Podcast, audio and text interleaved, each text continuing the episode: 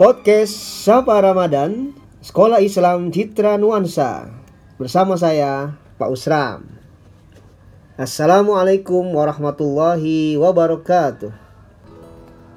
Selamat berjumpa kembali di Sapa Ramadan Sekolah Islam Citra Nuansa Di episode ke-8 Apa kabar ayah bunda sekalian?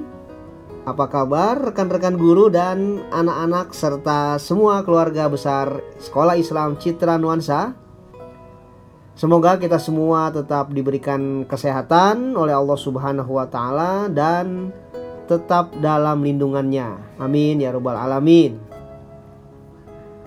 Di podcast Sapa Ramadan kali ini saya akan membahas singkat tentang social skill atau keterampilan sosial yang perlu kita bangun dan bagaimana cara menumbuhkannya pada diri anak-anak kita.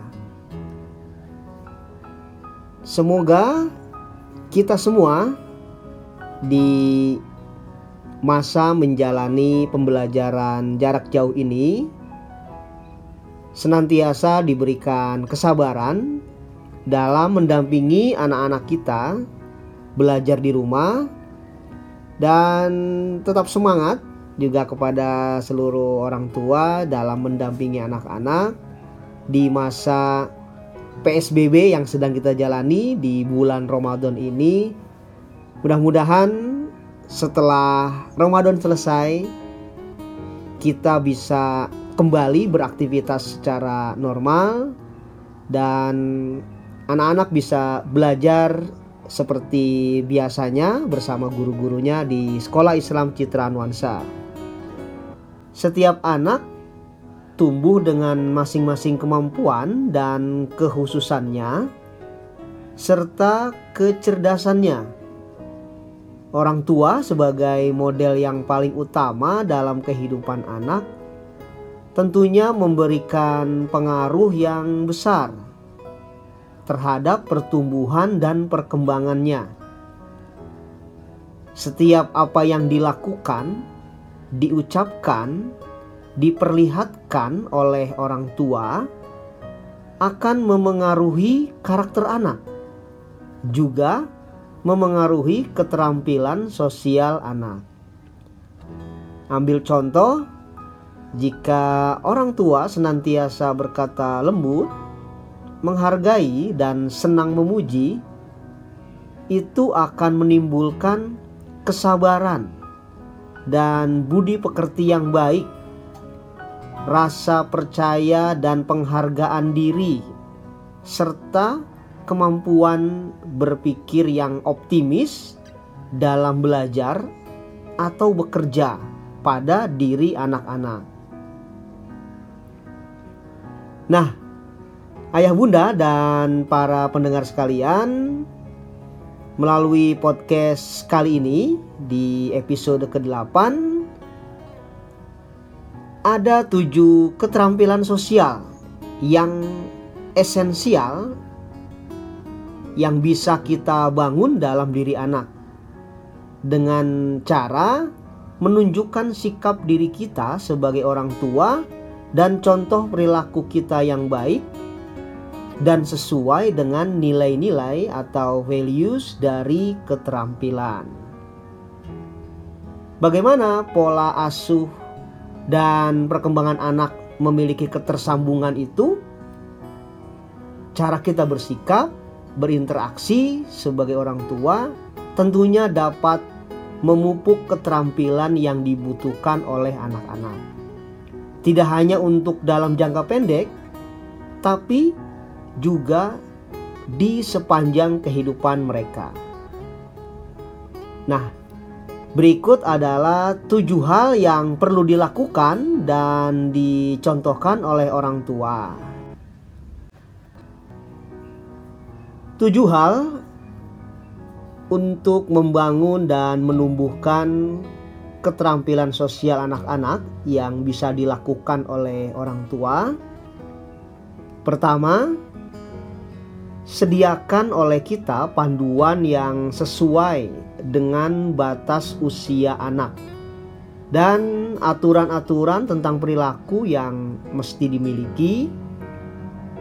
Orang tua juga perlu mengetahui dan menjadikan semacam ketetapan atau pedoman bagi kita masing-masing tentang bagaimana seharusnya menyikapi, merasakan, dan merespon setiap perilaku dari anak. Melalui hal tersebut, akan memberikan efek kepada adanya kemampuan fokus dan sikap pengendalian diri pada diri anak-anak itu sendiri.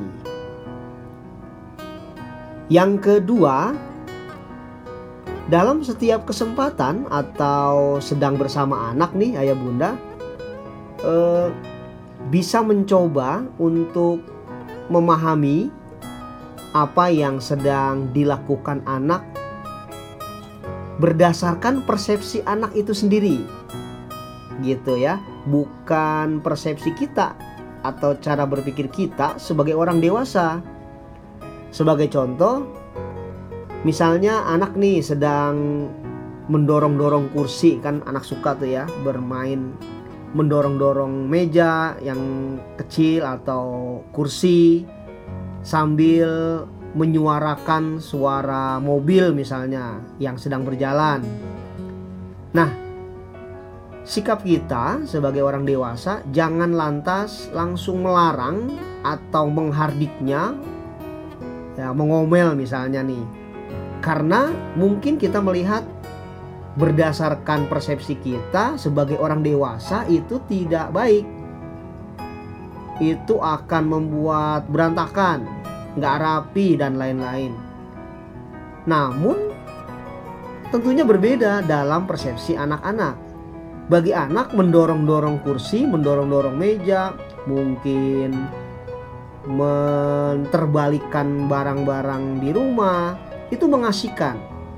Mereka seperti sedang bermain peran. Ketika mendorong kursi, mereka berperan seperti pengendara mobil atau ketika mereka menterbalikan barang-barang di dapur mungkin mereka suka mendengar suaranya. Nah, sikap orang tua yang mencoba mempersepsikan apa yang didapati oleh orang dewasa atau sebagai orang dewasa coba dilihat berdasarkan persepsi anak. Nah, mengapa? Karena ini akan membangun sikap sosial yang disebut perspective taking yaitu kemampuan dalam berpikir perspektif yang beragam sehingga kelak anak akan belajar tentang pengertian belajar mengerti bagaimana perasaan orang lain kemampuan melihat masalah bukan hanya dari satu sudut pandang saja. Nah ini penting ya bunda Uh, jadi kadang-kadang kan kita sering menyikapi apa yang dilakukan anak berdasarkan perspektif pikiran kita sebagai orang dewasa. Padahal tentu dalam pikiran anak akan berbeda. Yang ketiga dalam upaya menumbuhkan keterampilan sosial anak yaitu menanggapi secara sensitif terhadap isyarat anak-anak. Apa nih maksudnya ya? Maksudnya adalah sebagai orang tua kita perlu memiliki rasa sensitivitas yang tinggi atas apa yang dirasakan atau terhadap perubahan sikap dan perilaku anak. Hal ini akan membangun dan menumbuhkan sikap sosial dalam diri anak berupa kemampuan berkomunikasi yang efektif. Akan menumbuhkan sikap uh, sosial terbuka dan perasaan diperhatikan.